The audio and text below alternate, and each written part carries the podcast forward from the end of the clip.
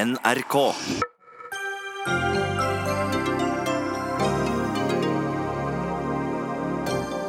Metoo, emneknaggen på sosiale medier, skaper mye engasjement. Setter den bare fokus på virkelige problemer, eller skaper den også unødvendige ofre og overgripere? Halvparten av asylungdom forsvinner fra norske asylmottak, ifølge ny rapport. Men systemet fungerer slik det er tenkt, sier Frp. Norge sliter med troverdigheten når det skal både være klimaleder og oljenasjon, mener Innovasjon Norge. Underlig av dem å mene at Norges største næring er et troverdighetsproblem, sier redaktør. Og regjeringa vil verne hule eiketrær for å ta vare på insektene våre. Et hult og tamt vedtak, svarer miljøvernorganisasjonen.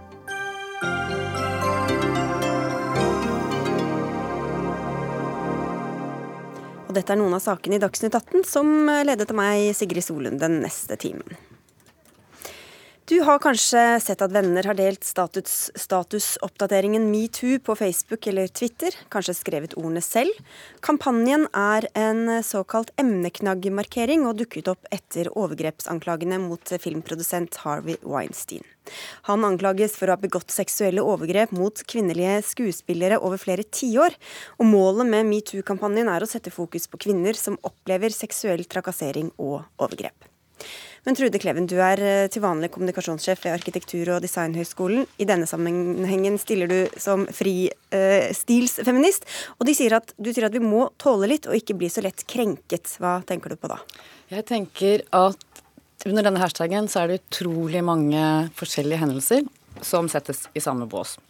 Uh, den første oppdateringen min handla om alt det som foregår som vi syns er ubehagelig, som vi opplever fordi at vi ikke liker det selv, men som smyger seg rundt den anstendighetsgrensen som vi, de fleste av oss kjenner til. Vi vet jo at vi har kulturelle normer, vi har sosial atferd, vi regulerer den, og vi har et lovverk.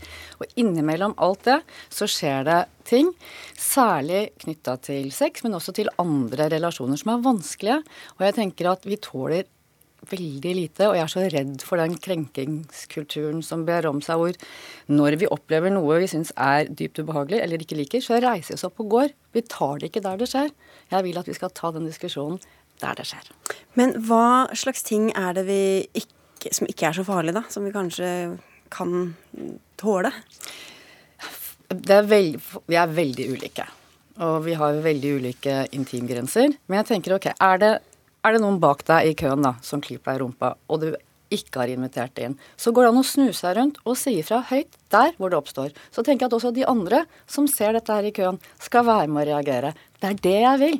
Mm. Jeg vil ikke Jeg tenker at vi får høre en strøm av jeg og jeg og jeg og. Og hva er det vi lærer? Vi lærer jeg òg. Vi bygger allianser. Kanskje vi får støtte av andre kvinner, men samtidig så føler jeg at vi forsøker å sage av den greina som gir oss muligheten til å komme videre, som handler om at dette må vi snakke om, alle sammen. Jenter og gutter, kvinner og menn. Helt uavhengig av hva slags orientering vi har seksuelt, eller hvilken maktposisjon vi har, eller hvilken hudfarge vi har, eller hvor det er vi har vokst opp. Dette må vi adressere der det begynner. Heidi Nordby Lunde, du er stortingsrepresentant for Høyre, og du har også skrevet litt om denne og tidligere kampanjer også. Eh, hva syns du, må vi tåle litt? Det er jo alltid sånn at vi, vi får beskjed om å tåle litt, og så ser vi når vi prøver å ta igjen at de som mener at vi skal sitte i mottakerenden og tåle litt, ikke tåler at vi tar til motmæle. Og, eh, men jeg syns det er veldig fint at Trude Kleven kommer inn, for det gir oss anledning til å nyansere at dette handler nettopp ikke om å få den klypen i baken når du står i eh, nesten likeverdig på et, eh, på et utested, og faktisk har anledning til å snu deg og si fra, og også gå vekk derfra eller få hjelp fra andre i køen.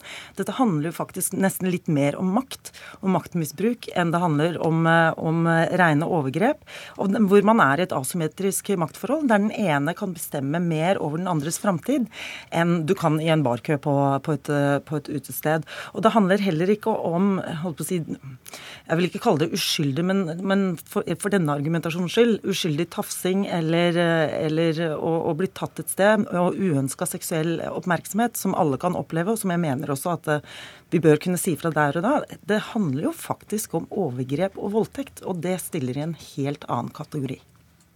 Jeg tenker at uh, seksuell trakassering skjer ikke i et vakuum. Uh, og det er snakk om et asymmetrisk maktforhold som ved veldig mange andre ting. Men min ting i denne saken var at du får en sånn copy-paste hashtag som du blindt eller anonymt kan legge på siden din og sende videre.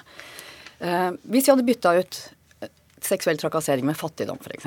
i det sånn, Vi prøver. Vi sier at 'å, jeg er fattig, jeg har opplevd fattigdom', og så får vi metoo, metoo, metoo. Tror vi at vi er ett skritt nærmere å løse fattigdomsproblemet om det hadde vært en Facebook-fad? Men, men, fattigdom kan jo være litt lettere å måle, da. Hvem er det som skal si hvilke opplevelser som uh, skal tolereres som, en, uh, som, noe vi kan reagere på, og hva som vi bør tåle, som var det ordet som vi var inne på i stad? Jeg er enig i at den eneste som kan sette de grensene, er deg selv. Men som sagt, dette lærer vi ikke i et vakuum. Det å bli trygg og på din egen verdighet og ha respekt for deg selv og dine egne grenser, er tillit vi bygger opp gjennom tid i samfunnet, gjennom skole, gjennom familie, gjennom de relasjonene vi inngår i, og den kulturen vi er en del av. Og jeg tenker Det er der vi må adressere det. Ikke som en sånn Og jeg ble også veldig bekymra, for jeg tenker at den første gangen jeg fortalte om noe veldig ubehagelig og krenkende som jeg hadde opplevd, så følte jeg en ekstrem tomhet og ensomhet og ganske mye frykt. Og jeg har også tenkt at det kan være noen som blir med på en sånn kampanje fordi at alle er der, og du poster noe som du aldri har sagt før. Facebook har ikke noe sikkerhetsnett. Det alvoret som en sånn hendelse skal møtes med, kan vi ikke møte på Facebook. Vi må ta ansvar for det også. Men hva syns du da, Nublinde? Hvorfor kan vi trenge, om vi trenger, da, sånne kampanjer som dette? Jeg tror at En av de tingene som denne kampanjen har eh, vist, og vi har sett det tidligere også, er nemlig omfanget av alvorlige hendelser og hvor mange nær oss det egentlig, uh, som egentlig er, er, utsatt.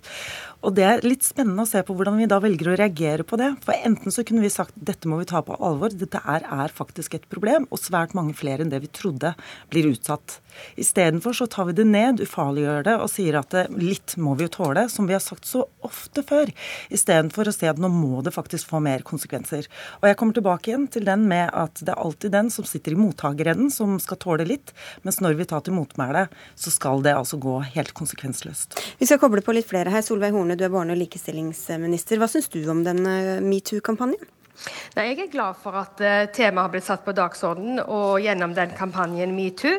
Seksuell trakassering er uakseptabelt, og vi har hatt flere omfangsundersøkelser som viser at seksuell trakassering, og særlig blant unge, er et stort problem i, i, Norge i dag. og Derfor mener jeg at denne kampanjen kan bidra med å løfte fram viktige historier fra både uh, unge jenter, eldre kvinner, uh, altså over hele verden. Hanne Bjurstrøm, likestillings- og diskrimineringsombud. Bare behold det på, for det kan vi skal høre litt mer fra, fra Solveig Horne. Hva, hva, betyr en sånn type kampanje som det her for bevisstgjøring? Jeg tror den kampanjen er viktig. Eh, jeg tror ikke vi hadde hatt denne diskusjonen om seksuell trakassering, som er en viktig diskusjon nå, hvis ikke vi hadde hatt den kampanjen. Eh, jeg er enig i mange av de motforestillingene som også har kommet frem gjennom kampanjer. Det er ikke kampanjer som skal løse dette. Og, og, det er mye sårbarhet bak det. Men det er også et faktum at man har hatt, eh, som også statsråden var inne på, omfangsundersøkelser. Vi har hatt Statens arbeidsmiljøinstitutt, som har nylig kommet med en rapport om seksuell trakassering i arbeidslivet. Fafo har hatt rapporter. Vi har altså ikke klart å få dette på dagsorden på denne måten før vi fikk denne kampanjen. Så sånn sett så er det dessverre sånn at vi må gjennom slikt av og til. Eh, saklighet, forskning eh, vekker ikke tilstrekkelig oppmerksomhet. Og så er jo spørsmålet hva vi kan gjøre i køen, at vi skal snu oss og si fra. Og så er det sikkert veldig mange ulike varianter og alvorlighetsgrader. Men hva slags respons får kvinner eller menn som melder fra oss og, og, og tar opp seksuell trakassering? Det problemet i dag, og det har vi vært opptatt av lenge, er at vi har ikke gode nok systemer for det. Vi trenger en god veiledningstjeneste. Er dette, altså er dette noe jeg må finne meg? Jeg tror veldig mange er usikre på det. Eh, der har man ombudet for så vidt, men ombudet er ikke satt opp til å liksom virkelig gjøre den jobben. Det vi særlig har vært opptatt av, er at eh, vi trenger et, det vi har kalt et lavterskeltilbud eh, for å klage på seksuell trakassering. Og da snakker jeg ikke om det at man på en måte føler at en kollega er litt mer på enn du selv er. Det er jeg helt enig i at det, er liksom, det bør man kunne gjøre opp der og da. Men jeg snakker om de situasjonene hvor det dreier seg om ulike makt, altså hvor man har ulik makt makt. Og det er det som er det vanskelige. I dag så har vi ikke noe annet system for det enn domstolen. også for de sakene som da ikke er strafferettslige. Alle andre diskrimineringssaker og, og den type trakasseringssaker de går til, eh, til en nemnd, Likestillingsnemnda. Men vi har altså av en grunn da sagt at disse sakene er vanskeligere å bevise, så de holder vi utenfor. Da må du gå til den ordinære domstolen. Og der er det nesten ingen saker. Nei, for Da krever det jo også sitt av bevis, og ikke, for ikke snakke om mot, og ganske mye selvsikkerhet også sikkert hos den som ønsker å forfølge dette hornet. Hvorfor har vi ikke noe sånn lavterskeltilbud da? Nei, I dag blir jo slike saker håndtert av domstolen, og det reiser òg vanskelige bevis- og rettssikkerhetsspørsmål. og så Det skal vi ikke skyve under en stol. Men så må vi ikke glemme at alle offentlige myndigheter, om det er skolemyndigheter, arbeidsgiver, de har òg i dag en plikt til å jobbe aktivt mot seksuell trakassering for, og sette i verk tiltak. Og så har vi òg Likestillingsombudet, som har en viktig pådriverrolle. Og med den pådriverrollen som vi ønsker at ombudet nå òg skal reindyrke i større grad fra neste år, så mener jeg at ombudet her eh, blir en viktig, eh, viktig instans. Samtidig som vi nå jobber med, med å få utrede et lavterskeltilbud for håndheving av forbud mot seksuell trakassering. Og det er noe som vi, nå har ikke mandatet klart, men jeg skal ta med meg de innspillene som kommer fra ombudet. Ja, for nå er det jo ombudet selv som etterlyser altså flere tiltak enn det de selv klarer å, å stille opp med. Da. Så hvordan virker det som om det fungerer med den ordningen? Som du sier at alle skal ha et plikt til å gjøre det, men gjør de det? Altså, dette har jo vært utreda fra flere regjeringer eh, uten at det har blitt gjort noe med. Eh, så er det jo sånn at alle har, altså den offentlige myndigheter har en plikt i dag til å jobbe aktivt mot det. Men vi ser jo det at eh, det er ikke et lavterskeltilbud, og derfor er det vi nå skal utrede om det er mulig å få på plass et, et lavterskeltilbud og et veiledning og hjelpetilbud som, som ombudet tar til orde for her, er noe som vi må ta med oss når vi skal lage et mandat for den utredningen. Var det mange hender rundt opp i lufta her, Kleven? Jeg tenker at Det er utrolig viktig at vi skiller mellom det som er maktovergrep, tenker jeg enda større det, En asymmetrisk relasjon som misbrukes, er et maktovergrep. Og jeg syns at vi skal snakke om det som maktovergrep. Det er stor forskjell på det og dette veldig vanskelig navigerbare uh, seksuelle forholdet som vi kommer ut i verden med og ikke helt vet hvordan vi skal håndtere. Vi har ikke direkte tilgang til den andre, og noen ganger blir det veldig feil og veldig klønete. Det er klart at dette er to veldig forskjellige ting. Mm, men er det en sammenheng mellom dem også, Bjørsson? Ja, det kan det være. Men det, hvorfor jeg var opptatt av dette nå, også er fordi at maktovergrep skjer jo veldig ofte i, i arbeidslivssammenheng. Og derfor er det vi også veldig opptatt av at man må se nettopp på hvordan dette fungerer i arbeidslivet. For der er det veldig ofte under overordnetsforhold, og det er kundeforhold, det er avhengighetsforhold. Og det er det som forskning viser at eh, noen sektorer er særlig, særlig utsatt. Derfor er vi også opptatt av at partene i arbeidslivet bør ta dette alvorlig. Jeg tror de gjør det, men jeg tror de trenger et ekstra sånn skubb på å tenke hvordan kan vi jobbe systematisk og få dette inn i helse-, miljø- og sikkerhetsarbeidet. For da vil du avdekke og kunne forebygge. Det er jo det viktigste å forebygge, egentlig bare liksom å sanksjonere når det skjer. Men Nubbe Lunde, du har jo skrevet om dette flere ganger også. Hvor lett tror du det er for alle som blir utsatt for noe, å vite om det er noe som er verdt å gå videre med, om de skal tørre å ta den sjansen, og, og hva de det skal gjøre. Det er jo det som er krevende, for veldig mye eh, grov og seksuell trakassering skjer jo på tomannshånd. Og det er mye som kan være ugreit lenge før det er et lovbrudd. Og det er der jeg blir litt sånn eh, Både ja, det kan godt hende at et lavterskeltilbud er et uh, riktig tilbud, men for meg så handler lavterskel virkelig om venner og familie og nære arbeidskollegaer. Søke råd der. Men da må det jo også være sånn at det vil få en konsekvens, at det er noen som støtter deg i den prosessen du skal inn i. Og da har jeg lyst til å si, også til partene i arbeidslivet, at er det noe som lønner seg, så er er det jo ansatte som har det bra på jobben.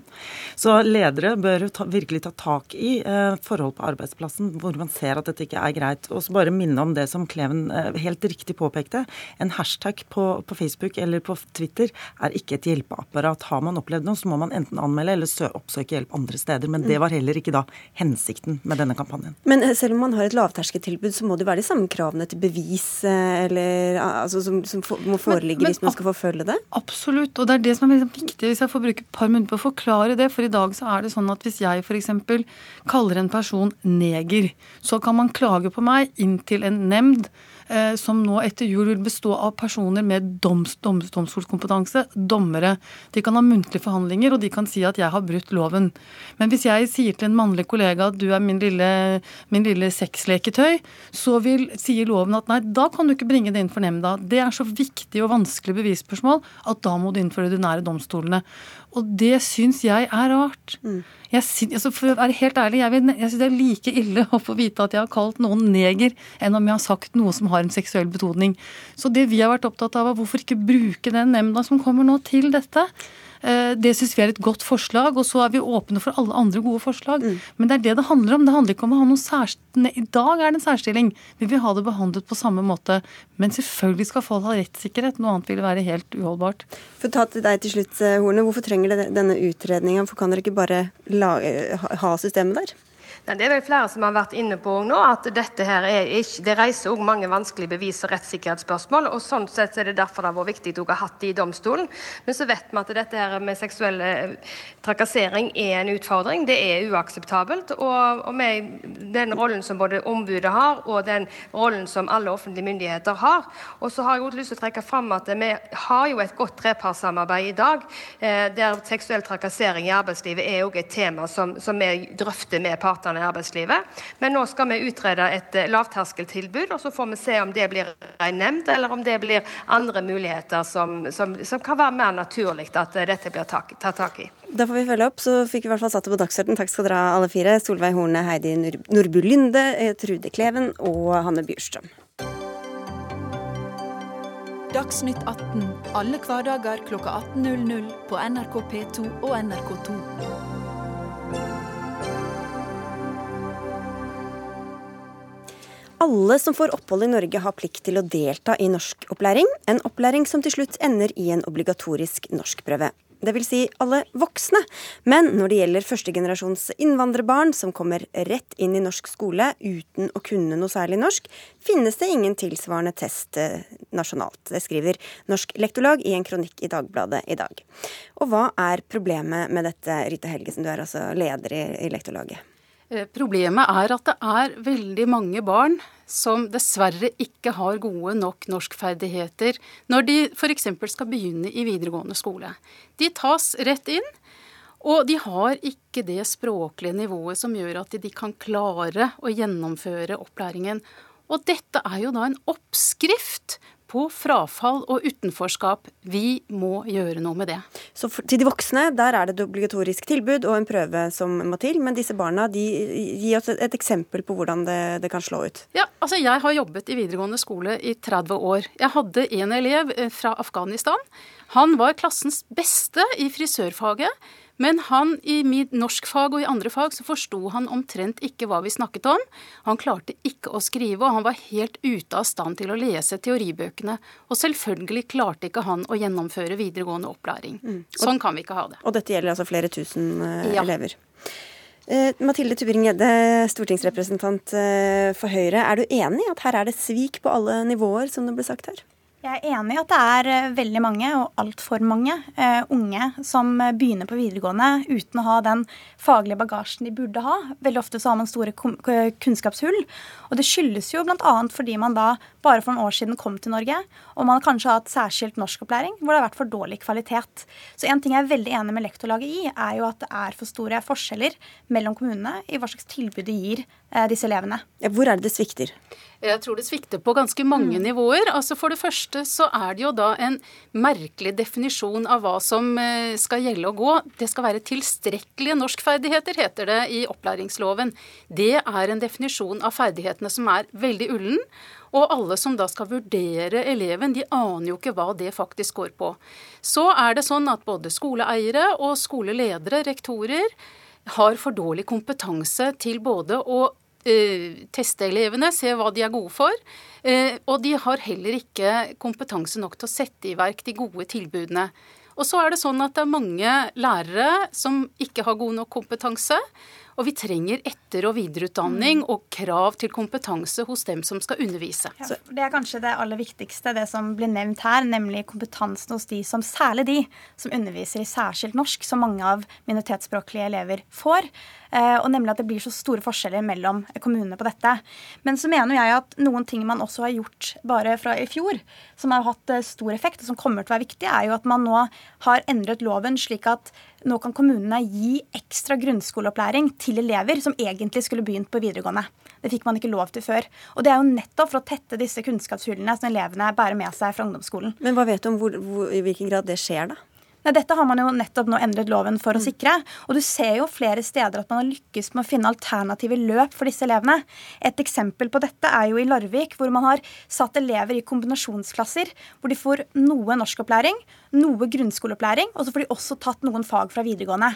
Og det er en kombinasjon som gjør at man i større grad klarer å fange opp elevene, slik at de ikke faller ut av videregående. Men dere ønsker å gå lenger, dere ønsker en nasjonal test. Ja. Hva, skal, hva skal det være godt for? Eh, nå er det sånn at Oslo kommune har jo allerede innført en sånn test. At eh, elevene da skal ha nivå B1 i norsk. Det betyr at de kan lese en enkel tekst. De kan skrive forholdsvis enkle, sammenhengende tekster. Og det tror jeg er veien å gå, for det er så veldig ullen denne definisjonen, så man vet ikke hvor Men Når skal den testen inntreffe? Hva skal skje etter den testen, hvis man består den eller ikke består den? Ja, Da må man jo da sette i verk tilbud. Altså Kjempefint det som skjer i Larvik, men dessverre så skjer det altfor lite ellers. Elever starter i videregående skole uten å ha det nivået de trenger. Så den skal skje i tiende klasse? ja, for denne... eksempel. Mm. Altså dette med overgangen Nå har jo eh, har det akkurat vært eh, en Rambøll har skrevet en rapport på bakgrunn av tilbakemelding fra fylkesmennene på hvordan eh, elevenes rettigheter blir fulgt opp i, rundt omkring i fylkene. Og de viser jo det at det her er det ikke godt nok. Men hvordan kan man begynne på videregående? Da må man jo ha et vitnemål fra ungdomsskolen hvis man ikke klarer å skrive eller snakke norsk. Ja, og dessverre så har vi eksempel fra et av våre medlemmer som er rådgiver på en videregående skole.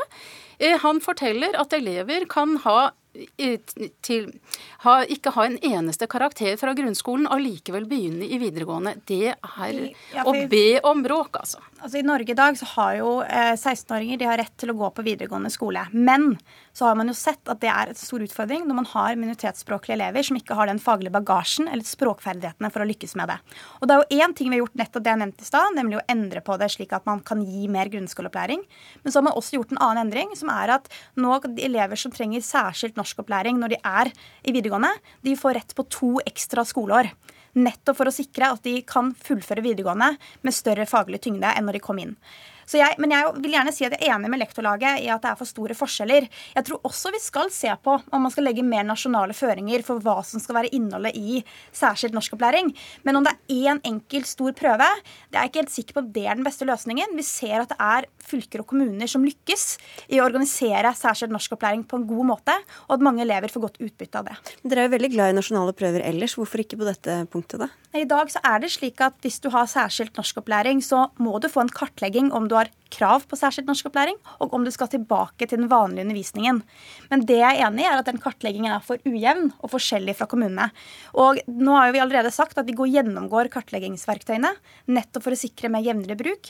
Og så er jo det viktigste nemlig at lærerne har kompetanse til å ta i bruk kartlegging og til å ha godt innhold i opplæringen. Men hva kan være negativt eh, eller unødvendig ved en sånn test?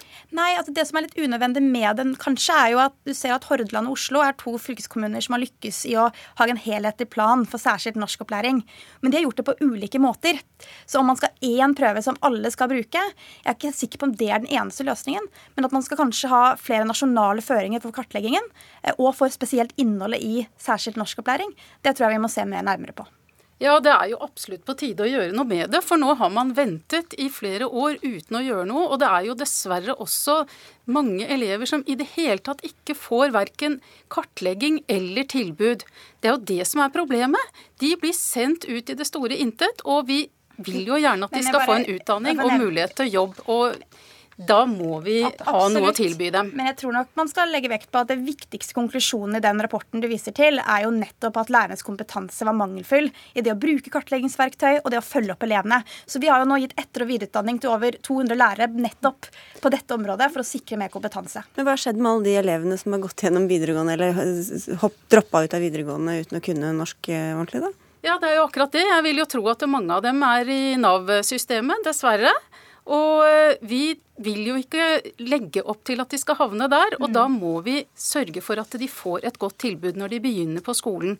Og det er ikke nok bare å teste. Det er, jo Nei, bare halve jobben. Ikke. Det er jo når de kommer inn i skolen og vi skal tilby dem god mm. opplæring som er tilpasset det behovet de har. Veldig ofte så settes de bare rett inn i en vanlig klasse. Så får de tilbud om én eller to timer eh, tilrettelagt opplæring i uka, og det er frivillig. Mm.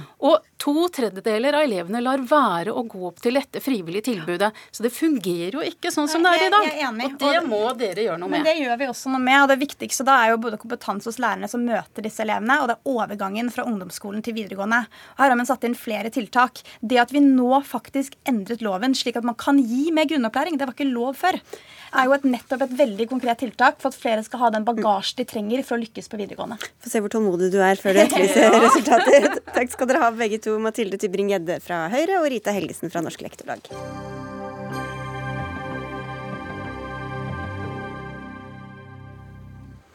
Norge er et strutseland som snakker som både oljeland og klimaleder, og nå må vi bli flinkere til å forklare verden hva vi gjør og hvordan vi gjør det. Dette kunne vi lese i en kronikk i Aftenposten, som igjen genererte en litt syrlig kommentar i Dagens Næringsliv. Forfatteren av det opprinnelige innlegget er deg, Anita Krohn Traaseth, du er direktør i Innovasjon Norge.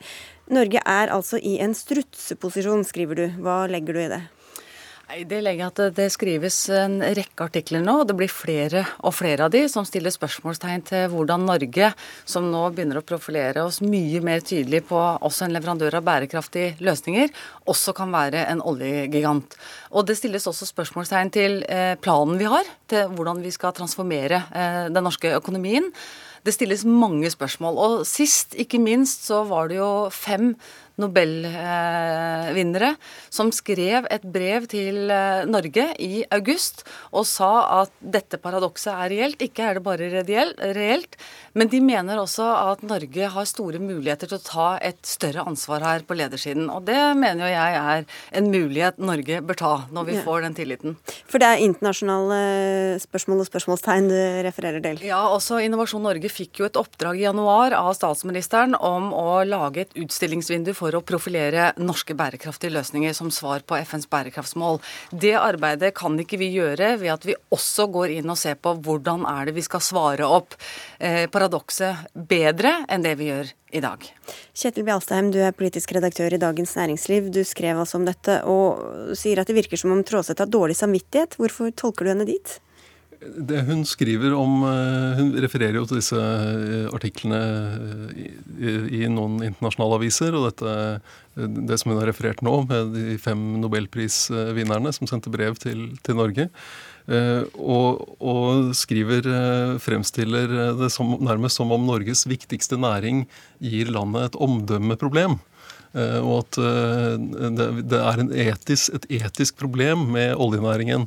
Og Det syns jeg er litt overraskende fra sjefen i Innovasjon Norge. At det som er en ekstremt viktig næring for Norge, gir arbeidsplasser, gir viktige inntekter. At det nærmest er noe hun mener vi skal gå og unnskylde internasjonalt. Nei, på ingen måte.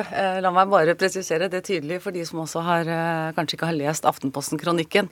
Her står vi overfor en helt annen situasjon enn det vi har gjort tidligere. Det er ingen som verken skammer seg eller er flaue over 45 år med vekst i olje.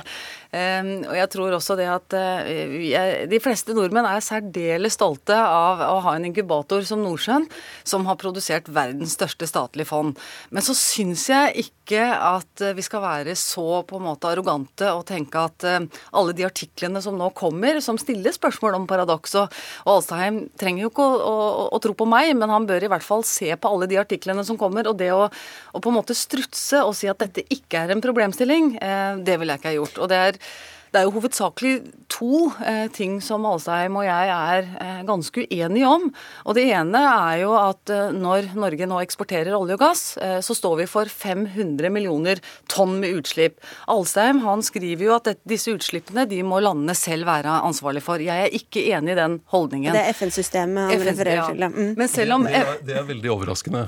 fordi det er et prinsipp for, grunnleggende prinsipp i det internasjonale klimasamarbeidet det er at hvert land har ansvar for sine utslipp. Sånn at de som kjøper norsk olje og gass og brenner den, har ansvar for de utslippene som skapes der. Og Grunnen til at det er sånn, er at eh, noe annet vil bare bidra til en total ansvarspulverisering. Det er de landene der utslippene skjer, som har mulighet til å sette inn tiltak. Det er de som kan, kan regulere trafikk, de som kan lage byplanlegging for å redusere transportbehov, de kan sette inn CO2-avgifter, de kan regulere, de kan lage kvotesystemer. Norge kan jo ikke gå inn i, i Tyskland eller Frankrike eller Storbritannia eller hvor som helst ellers og begynne å regulere hvordan de skal bruke energi. Men at det er et, det er et klimaparadoks eh, for Norge, det er jo ikke Krohn Traaseth og Innovasjon Norge de eneste som mener. Nei, jeg skrev en bok i 2010 som heter Klimaparadoks, så dette har jeg vært innom. Men, ja. men etikken her, da. Krohn Traaseth trekker frem den også, at dette er liksom et etisk uh, dilemma for Norge at vi eksporterer denne fossile energien. Det, men, men, hvordan skal vi fordele liksom, den etiske byrden her? Er det, er det Norge som da produserer og selger oljen og gassen, eller er det den som bruker oljen til å kjøre bil, kjø, transportere varer f.eks. i Tyskland, eller som fyrer opp gassen i England for å koke seg en kopp te? Er det, er det, men hvis, hvis, vi glemmer de eh, utslippene, hvem som skal ta det altså, Nå har vi jo snakket litt om det, men, men, til det første også om hvordan vi skal presentere oss for uh, andre land. Uh, kan det være vanskelig å si både at vi skal være verdensmestere på klima og verdensmestere på olje og gass? Det meste innen klima er ganske vanskelig. Men dette problemet har jo de landene, de, mange av de landene andre, på den andre siden, da, de som forbruker det, har jo det samme problemet. Altså, de forbruker jo de fossil energi og skaper utslipp. Sånn at hvis eh, eh, Når New York Times, som er en av de artiklene som det vises til fra Krohn Traaseth, så, så, De kan jo bare snu seg rundt og se på USA, som, der, som, har en president nå som vil satse mer på kull, og du har en voldsom vekst i, i, i skiferolje. Og de begynner å, bli, begynner å, snakke om å eksportere olje fra USA. sånn at det, dette er jo noe av det, det, verden sliter med i hele den omstillingen skal, som vi skal igjennom. Ja, Alle andre holder på med det samme, så hvorfor skal det være så vanskelig for dem å skjønne vår posisjon? Her er Alstheim og jeg særs uenige, altså. Holdningen om at Norge ikke bør bry seg om omdømmet vårt når vi slipper ut 500 millioner tonn. Det er ikke vi som slipper ut 500 jo, millioner tonn. Men det er vi som selger det. Eh, og at vi da skal tenke at det er ti ganger så mye utslipp som vi gjør i Norge. Mener og at vi at de bare som kjøper det, ikke skal ta ansvar for utslippene de skaper? La meg snakke ut ferdig. Ehm, jeg tror det er sånn at når vi er ansvarlige for å eksportere, eksportere det, så bør vi også ta inn over oss at det stilles spørsmålstegn til når vi samtidig skal profilere oss på ren og fornybar energi energi, og så skal vi bare ta inn masse inntekter. Og det stiller spørsmålstegn til planene som vi har i Norge om eh, f.eks.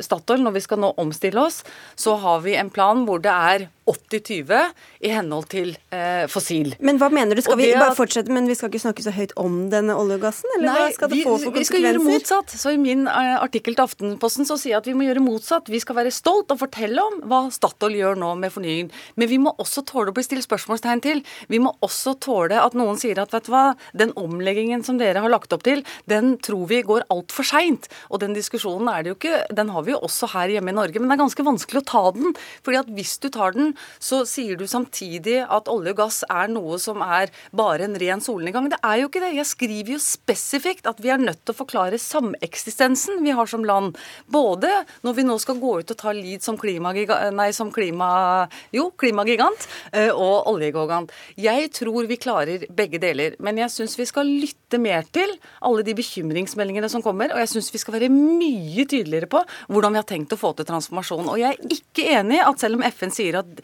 hvert eneste land skal bry seg om det, at ikke Norge kan steppe opp da og ha et større lederansvar. Og så rent finansielt så gir det oss store fortrinn. Norge har jo eh, lenge tatt et ganske stort ansvar i, i klimasamarbeidet internasjonalt. Og, og, gått foran eh, også med nasjonalpolitikk, med innføring av CO2-avgift allerede i 1991. Vi har noen av verdens eh, høyeste eh, CO2-avgifter. Vi har en massiv satsing på, på regnskogbevaring. Eh, vi har eh, disse elbilsubsidiene som har vært diskutert i dette studioet mange, mange ganger. Jeg måtte jo bare nevne det. Så, sånn at, eh, og, og, vi ser i klimaforhandlingene så er jo Norge en av pådriverne for at det skal være så, så strenge eh, avtaler som mulig, og så ambisiøse som mulig. Sånn at eh, Norges rykte i klimaforhandlingene er i hvert fall eh, som en veldig anerkjent pådriver. Men det at, at noen aviser eller andre aktører stiller spørsmål om hvordan norsk politikk henger sammen, det, jo, det må jo tåle. Ja, det må vi, eh, det må vi tåle. Men, jeg, men eh, forskjellen mellom deg og meg er at du er fornøyd med status quo. Vi trenger ikke å gjøre noe, og vi trenger ikke å ta ansvar. Jeg mener det er en enorm nei, nei, forretningsmulighet for norsk økonomi. fordi at dersom vi kan være med og få eh, overgangen hos de andre landene som vi ikke eksporterer til, som jo er rent basert på kull og gass, og vi kan komme frem med teknologiske løsninger på det, så kan vi øke omsetningen av arbeidsplasser til Norge i en helt annen skala enn det vi har planlagt. Men helt til slutt, for Det virker som du mener at Dagens Næringsliv også skal heie litt og være en aktør nærmest å få fram denne nye, nye industrien? Ja, og, og, DN gjør jo det. Eh, du nevner jo selv gasellene. Og all kred til DN som får fram vekstbedriftene innenfor gasellene. Men det skrives i mindre grad om hva som skjer i de store utviklingene, de store næringene innenfor grønn energi. F.eks. Eh, ta dette lille, lille, selskapet Biogass, da, eh, som kommer fra en bygd hvor det er 2000 mennesker, som nå bygger også verdens største fabrikk for flytende biogass. Sånne eksempler over hele landet må få mye mer fokus enn enkeltbedrifter som har høy omsetning. Det handler om mer enn høy omsetning framover. Mer heiagjeng, altså. Ja, forskjellen på deg og meg er ikke det du sa om status quo. Forskjellen på deg og meg er at jeg, jeg tror ikke at eh, de, de lønnsomme bedriftene og arbeidsplassene som vi trenger, kommer gjennom det du kaller å skaffe et nytt narrativ og ha fokusutvikling. Nei, fordi Dere... Bare en liten ting. En annen område vi også er uenige på, at han mener at vi trenger ikke å vise fram Norge, hva Norge kan gjøre mer på havsiden, fordi vi har jo veldig mye eksport på sjømat, og jeg mener at da har han ikke fått med seg det som skjer. Jeg skjønner ikke poenget med å vise det fram. Hvis vi har noen lønnsomme ting, noen bra ting som noen vil kjøpe, noen varer eller tjenester folk vil ha, så Det er konkurranse der ute. Vi er nødt til å fortelle at vi holder på med noe annet enn olje, gass og sjømat. En eh, spesialsending en annen dag, tror jeg, med dere to. Takk skal dere ha, Anita Krohn Traaseth og Kjetil B. Alstein.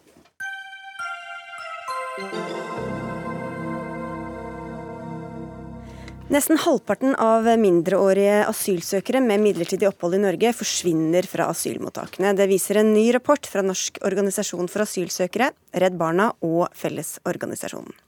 Mindreårige asylsøkere kan ikke returneres til hjemlandet hvis de får avslag, så da får de midlertidig oppholdstillatelse. Den gjelder fram til barnet blir 18 år, når de da sendes tilbake til hjemlandet. Men denne ordningen må avvikles, det mener dere, Anne Margrethe Ausen, og du er generalsekretær i NOAS. Hvorfor det? Jo, fordi det rett og slett eh, ikke er noen eh, løsning. Ehm, det er eh, Altså, den ordningen begrunnes med at dette skal sende et signal ut til andre barn som potensielt da Eh, skal eh, forstå at de ikke må legge ut på, på, farlig flukt. Men det er ingen tall, ingen dokumentasjon på at det er færre eh, barn og unge som flykter fra krig og konflikt nå enn det har vært tidligere. Akkurat nå har vi sett en nedgang i antall enslige mindreårige som kommer til Norge, enn det antallet som kom i 2015. Men hvis det er det Stortinget mener er målet, så må de si det at det er om å gjøre å holde enslige mindreårige ute av Norge som er, er målsettingen, ikke å hindre at de, at de legger ut på, på, flukt. For det vi faktisk ser at dette fører til, det er at det bryter unge ned. Halvparten forsvinner, som, som du var eh, inne på. Og veldig få av de som har fått et midlertidig opphold siden ordningen ble innført i 2009, har faktisk returnert. Og mange av de som har returnert, er ute på ny flukt. Så Uh, Jon Helgheim, du er innvandringspolitisk talsperson for Frp. Mange av dem forsvinner fra mottakene. Vi kan jo se, tenke oss en situasjon som sikkert ikke er så hyggelig for dem som er her heller. Hvorfor er det da likevel en god ordning? Å være på flukt er nok ikke noe hyggelig, det kan vi være helt eh, enige om alle sammen. Men eh, det dette handler om, er jo at NOAS med fler ønsker nå å avskaffe midlertidighet.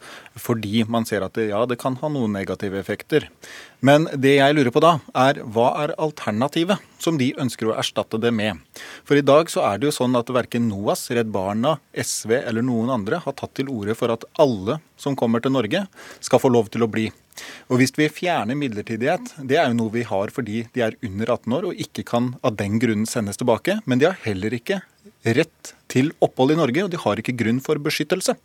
Og da må vi jo eh, si, da, hvis vi fjerner midlertidighet, så må vi enten si at du skal rett ut av Norge når du er under 18 år, eller så må vi si det at alle som kommer til Norge, Bare de klarer å komme hit, uansett grunn eller beskyttelsesbehov, skal få bli. Det finnes ingen andre alternativer, og da, hvis det finnes, så må NOAS komme med et annet alternativ. Ja, men Du skal spørre NOAS om det, men først må du bare svare på hvordan synes du ordninga fungerer i dag? Eh, ordningen eh, fungerer eh, sånn at det er langt færre som kommer til Norge. Men, men for, dem, for dem, det gjelder, altså de, når halvparten av dem rømmer fra mottak? Mm. Det, det er noe vi ikke syns er heldig. Og Vi skulle gjerne fått på plass eh, omsorgssentre i eh, hjemlandet som kunne ivaretatt de på en mye bedre måte og sørga for trygge, gode returordninger. Men Det er litt utenfor norske myndigheters kontroll, men det jobbes med løsninger der. Det hadde vært bedre. Men vi må faktisk ta og diskutere denne saken her ut ifra hva som er realitetene. Og realitetene er at det finnes ikke et annet alternativ. Ingen andre alternativer enn å si i alle opphold. Høre, høre med NOAS da, hva som er alternativet? Ja, Alternativet mener vi er å, å, slutte med dette å gi midlertidig opphold, rett og slett fordi at det er heller ingen løsning. Altså, Vi har hatt hatt ordningen med midlertidig opphold siden 2009. Fram til 2015 så var det bare ca. 4% av de eh, enslige mindreårige som fikk midlertidig opphold. Fordi det er sånn at etter at man har vurdert uh, om de har grunnlag for beskyttelse, så skal man vurdere om det er grunnlag for å gi dem opphold på, på et humanitært grunnlag, altså ut fra tilknytning til Norge eller særlig menneskelig hensyn. Og så har det skjedd at man nå vurderer Afghanistan Afghanistan som sikrere, selv om alle rapporter eh, viser det motsatte. Og Norge i større grad enn mange andre land åpner for å returnere eh, folk til andre deler av Afghanistan enn der de opprinnelig ja, kom fra. Men, men, Så da blir jo svaret ditt uh, ja. egentlig at alle bør få opphold, da, hvis de klarer å karre seg hit som Ikke, ikke nødvendigvis. Det er fortsatt noen som har fått uh, som har måttet uh, returnere også tidligere. Men veldig, veldig få av dem. Nettopp fordi at det, eh, hvis Sånn som nå vi har gått gjennom 50 saker. Dette er eh, saker som har fått avslag. 38 av dem eh, har kommet 2015 eller seinere. 21 av dem har sett, opplevd at far blir drept, andre i familien blir drept, eh, forsøkt tvangsrekruttert. Altså de har Det er eh, barn og unge som erkjennes å ha et beskyttelsesbehov der de er, men fordi vi bruker eh, internflukt til Kabul i større grad, enn andre, og vi ikke lenger skal gjøre noen rimelighetsvurdering av hvorvidt det er rimelig å returnere disse unge til Kabul, så oppstår den situasjonen at 45% ikke lenger 4% men 45% av alle enslige mindreårige får et midlertidig opphold, som ikke er noen løsning. Du skal, du skal få svare, Helge. Vi må bare få inn tredjepersonen her, så skal du få svare etter det. ikke sant? Karin Andersen fra SV, for dere har et annet forslag eh, også i Stortinget. Ja, vi har flere forslag inne. Og det ene er jo at vi er nødt til nå å få en eh, uhilda offentlig vurdering av de landvurderingene som gjøres. For vi har altså fått rapport på rapport på rapport som sier at det har blitt farligere og ikke tryggere. Det sier FN, det sier eh, personell i Nato, det sier Amnesty, som viser at eh, også noen av de vi har returnert, faktisk har blitt drept. Og dette er jo kjernen i asylretten. Vi skal ikke sende noen tilbake igjen der de risikerer å bli drept eller å bli utsatt for, retur, nei, for, for tortur. Det andre er at eh, man har fjerna dette rimelighetsvilkåret, som jo det, ja, det, det handler jo om om man skal se om det er eh, trygt nok å være på internflukt i Kabul. Og det var Kabul, det som ble fjernet ja, for et år siden. Ja, og Kabul er jo nå antageligvis verdens farligste by. Altså Det er ikke tryggere der enn noen annen stand. Og så mener man da at noen som ikke har noen å hjelpe seg med, familie. Dette er jo ikke Norge. Dette er et land, et klansamfunn, der du er nødt til å kunne reise til din klan. Hvis ikke så har du ingen beskyttelse. Og da er jo alternativet at du må underkaste deg f.eks. en krigsherre eller Taliban. Så det er, Og så er jo denne rapporten det, det siste, eller det står mye i denne rapporten, men den viser jo også at de faktiske vurderingene som gjøres av disse sakene, eh, er det grunn til å stille tvil om om man har vurdert beskyttelsesbehovet eh, som en helhet, eller om man vurderer bit for bit. Og Det siste som avdekkes her, som jeg håper nå Stortinget er villig til å se på, er jo at det er faktisk eh, Altså Noen av disse hadde fått opphold hvis de hadde vært voksne. Altså Det betyr at vi er strengere overfor de som kommer hit som enslige mindreårige asylsøkere, enn som voksne. Og det kan da ingen være enig i. Nå er det to mot én her. Ja, eh og da blei det veldig mye som kom. Men jeg skal prøve å ta noe av det. Eh, og det siste er eh, hva som man uh, vurderer som trygt. Uh, og da har de aller fleste partiene på Stortinget en tillit til at de som er satt til å forvalte det regelverket som Stortinget har bestemt, de gjør det på en ordentlig måte. Arbeiderpartiet går ikke for SVs forslag, og de fleste andre ansvarlige partier på Stortinget gjør ikke det. Fordi man har en tillit til at de vurderingene som foregår, er riktige. Så syns jeg det er ganske rart at NOAS heller ikke nå svare på hva som er alternativet til midlertidighet, annet enn å fjerne midlertidighet. Og det syns jeg begynner å bli litt sånn useriøst. At man foreslår én ting og eh, ikke har et alternativ å komme med selv. For de ønsker heller ikke, og SV ønsker heller ikke, at alle som klarer å få kara seg til Norge, skal få bli. Men de fjerner den eneste muligheten til å unngå det ved å fjerne midlertidighet. Det er det som står igjen etter flere debatter om det temaet her. Men, men hvor, hvor godt blir de behandlet? Det er de som, jeg vil bare høre med Helgheim først. Altså, hvor, hvor, hvor, trygge, hvor trygt mener du det er da, å, å bli sendt tilbake til, eller ikke tilbake til, men til Kabul for en 18-åring? Jeg har tillit til at de som gjør disse vurderingene, er i stand til å gjøre det på en riktig måte. Og så er det faktisk sånn at vi kommer nok ikke til å eh, havne i den situasjonen at Afghanistan og andre eh, land som det kommer mange eh, asylsøkere fra, noen gang blir så trygt som i Norge. Og det er, det er veldig, veldig mange land rundt om i verden som har mye større terrorfare, og som ikke i vår målestokk blir sett på som trygg. Men hvis vi skal legge oss på en linje altså Dette må være en ansvarlig politikk som ligger til grunn. og Det betyr at vi må legge oss på en linje. Eh, vi har begrensa kapasitet. De siste fem årene har vi bosatt 80 000 asylsøkere, flyktninger og deres familier. Og det er over den kapasiteten vi har. Og da kan ikke vi gi opphold til alle. Men da må vi høre med Karin Andersen. Hva mener dere skal skje med disse mindreårige som kommer hit? hit. Men vi må få svare på dette. Fordi det du nå hopper bukk over, er har Norge en plikt til å gi beskyttelse til de som er her, og som har søkt beskyttelse og har beskyttelsesgrunn? For du sitter og teller nå og sier vi har tatt imot så mange, da kan vi ikke ta imot flere. og Derfor må vi stramme inn, sånn at vi kanskje til og med nå risikerer å sende noen tilbake. Og det er det jo eksempler på at det har skjedd. De fleste ja. Og, er også, enig i at også, vi skal ha en høy terskel for å få opphold i Norge. Men følger dere deres eget ja. regelverk, eller det internasjonale regelverket det, for, for, Nei, det, det, er jo det denne rapporten vår, vår viser. At av, av 32 av de 38 sakene til enslige mindreårige som har kommet i 2015 eller senere, så er det ikke gjort barnets beste-vurderinger slik vi skal. Men, men okay, det, må, det må Helga få svare på det. Det Moas også vet veldig godt, det er at uh, denne rapporten ikke er et representativt utvalg av asyl, unge asylsøkere i Norge. Eh, det har de vært helt åpne på, og det er bra. Og da kan vi ikke ut ifra et uh, utvalg som de har tatt, og det er, det er, de som klager på sin sak. Vi kan ikke si det at det er et symptom på en systemfeil på bakgrunn av et ikke-representativt utvalg, altså de som klager på saken sin. Så at eh, vi kan, kan ikke bruke den til så mye Du kan heller ikke nulle de sakene som faktisk ikke er vurdert som de skal. Det er et, et faktum okay. at de ikke er vurdert som de skal, som også UDI innrømmer. Og da er du som ansvarlig nødt til å forholde deg til Men det. Men da må dere begynne å peke på de feilene som dere mener er feil, sånn at vi ja. sammen kan jobbe for å forbedre det. For systemet kan alltid bli bedre. Men det dere, gjør, det dere gjør, er å peke på at midlertidighet må bort. Punktum. Ikke noe mer. Og Nei, da fjerner man alle muligheter. Vi har, lista, vi har lista opp mange, mange forslag til, okay. til, hvordan dere kan håndtere dette bedre. Så hvis du bare leser rapporten, så vil vi hjelpe deg. Men Karin Andersen, er det, er det, det ble etterlyst et alternativ. Kan du ha én setning som er alternativet? Det er veldig mange ting vi må gjøre, og vi må ta denne rapporten på alvor. Vi må gjeninnføre rimelighetskriteriet. Vi må gå gjennom saksbehandlingen sånn at den er trygg. Og det må være mulig å ha offentlighet rundt vurderingene på sikkerhetssituasjonen i land vi returnerer flyktninger til. Men ingen av disse tingene hjelper eller blir vits i å diskutere hvis dere fjerner, eh, fjerner midlertidighet, for da skal jo alle bli allikevel. Det er der det er en alvorlig logisk brist i det dere kommer med. Takk skal dere ha. Fremskrittspartiet er nødt til å se hva det er vi kommer til å foreslå, før han konkluderer med hva det er. Tipper de ikke kommer til å stemme for uansett, men eh, vi får si takk til eh, dere for debatten uansett. Takk skal dere ha. Hør Dagsnytt 18 når du vil.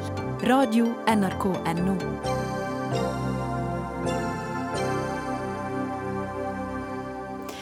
Insektene dør, ikke bare noen av dem. De faller som fluer, for å prøve å være litt morsom. Men det var jo ikke mye moro i meldingene fra tyske forskere i forrige uke. En ny studie viste at insektbestanden har falt med over 70% i løpet av snaue 30 år. Studien var gjennomført i et naturreservat i Tyskland, der forholdene normalt skal være gunstige. Anne Sverdrup eh, Tygeson, du er professor og insektforsker ved Norges miljø- og biovitenskapelige universitet. Eh, vi skal snakke mer om hva vi skal gjøre for disse insektene, men hvor alvorlig er det denne rapporten viser? Jeg tenker det er ganske dramatiske tall, eh, ganske dramatiske resultater vi ser. Fordi insektene er så grunnleggende viktig for oss mennesker, for våre liv og vår velferd. Og dette her kommer jo som lyn fra klar himmel. Og det i seg selv er ganske skremmende, mm. at vi har så dårlig kontroll. Hvorfor er de så viktige for oss mennesker? De er viktige fordi det er så mange av dem, og de er, eh, har en finger med i spillet på nesten alt som skjer i naturen. De er med på å gi oss mat gjennom at de sørger for at plantene våre blir bestøvet og setter frø, sånn at vi kan få mat. De er viktige for å bryte ned døde dyr og planter, sånn at det blir til jord og nytt liv kan spire. De er kjempeviktige som mat for andre i økosystemet. Og de er i det hele tatt eh, en viktig brikke, sånn at hvis insektene skulle forsvinne, så ville naturen slik vi kjenner den, kollapse. Hmm. Oppi dette, Lars Andreas Lunde, du er statssekretær i Klima- og miljødepartementet, kommer dere med en liten gladnyhet i Aftenposten i dag om at dere vil verne eiketrær. Hvordan kan det hjelpe på denne omfattende insektdøden?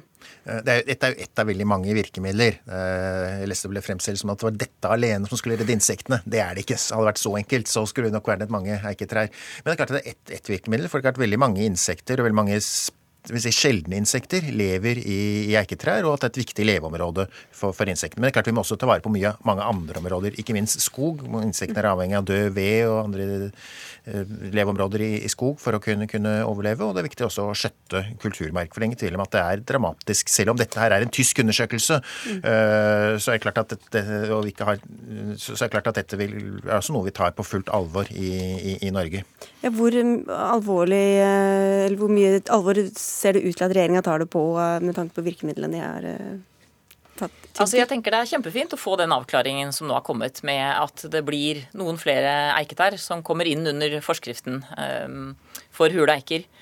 Um, og det er viktig å ta vare på hule eiker i skog også, fordi det er andre insekter som lever i dem enn i, i hule eiketrær som står i park. Men samtidig så er det klart at, uh, som du er inne på også, uh, det er veldig mye mer som mm. spiller inn på insektenes ve og vel enn det at vi sikrer noen eiketrær. Og da får vi se på helheten. da, Christian Stiel, du er eh, generalsekretær i Sabima, som er Samarbeidsrådet for biologisk mangfold. Hvordan vil du bedømme biologisk mangfold-innsatsen til regjeringa? Utover eiketrærne? Altså, I helga så sa politisk kommentator Dagbladet Marie Simonsen at dette burde skremme livskiten av oss.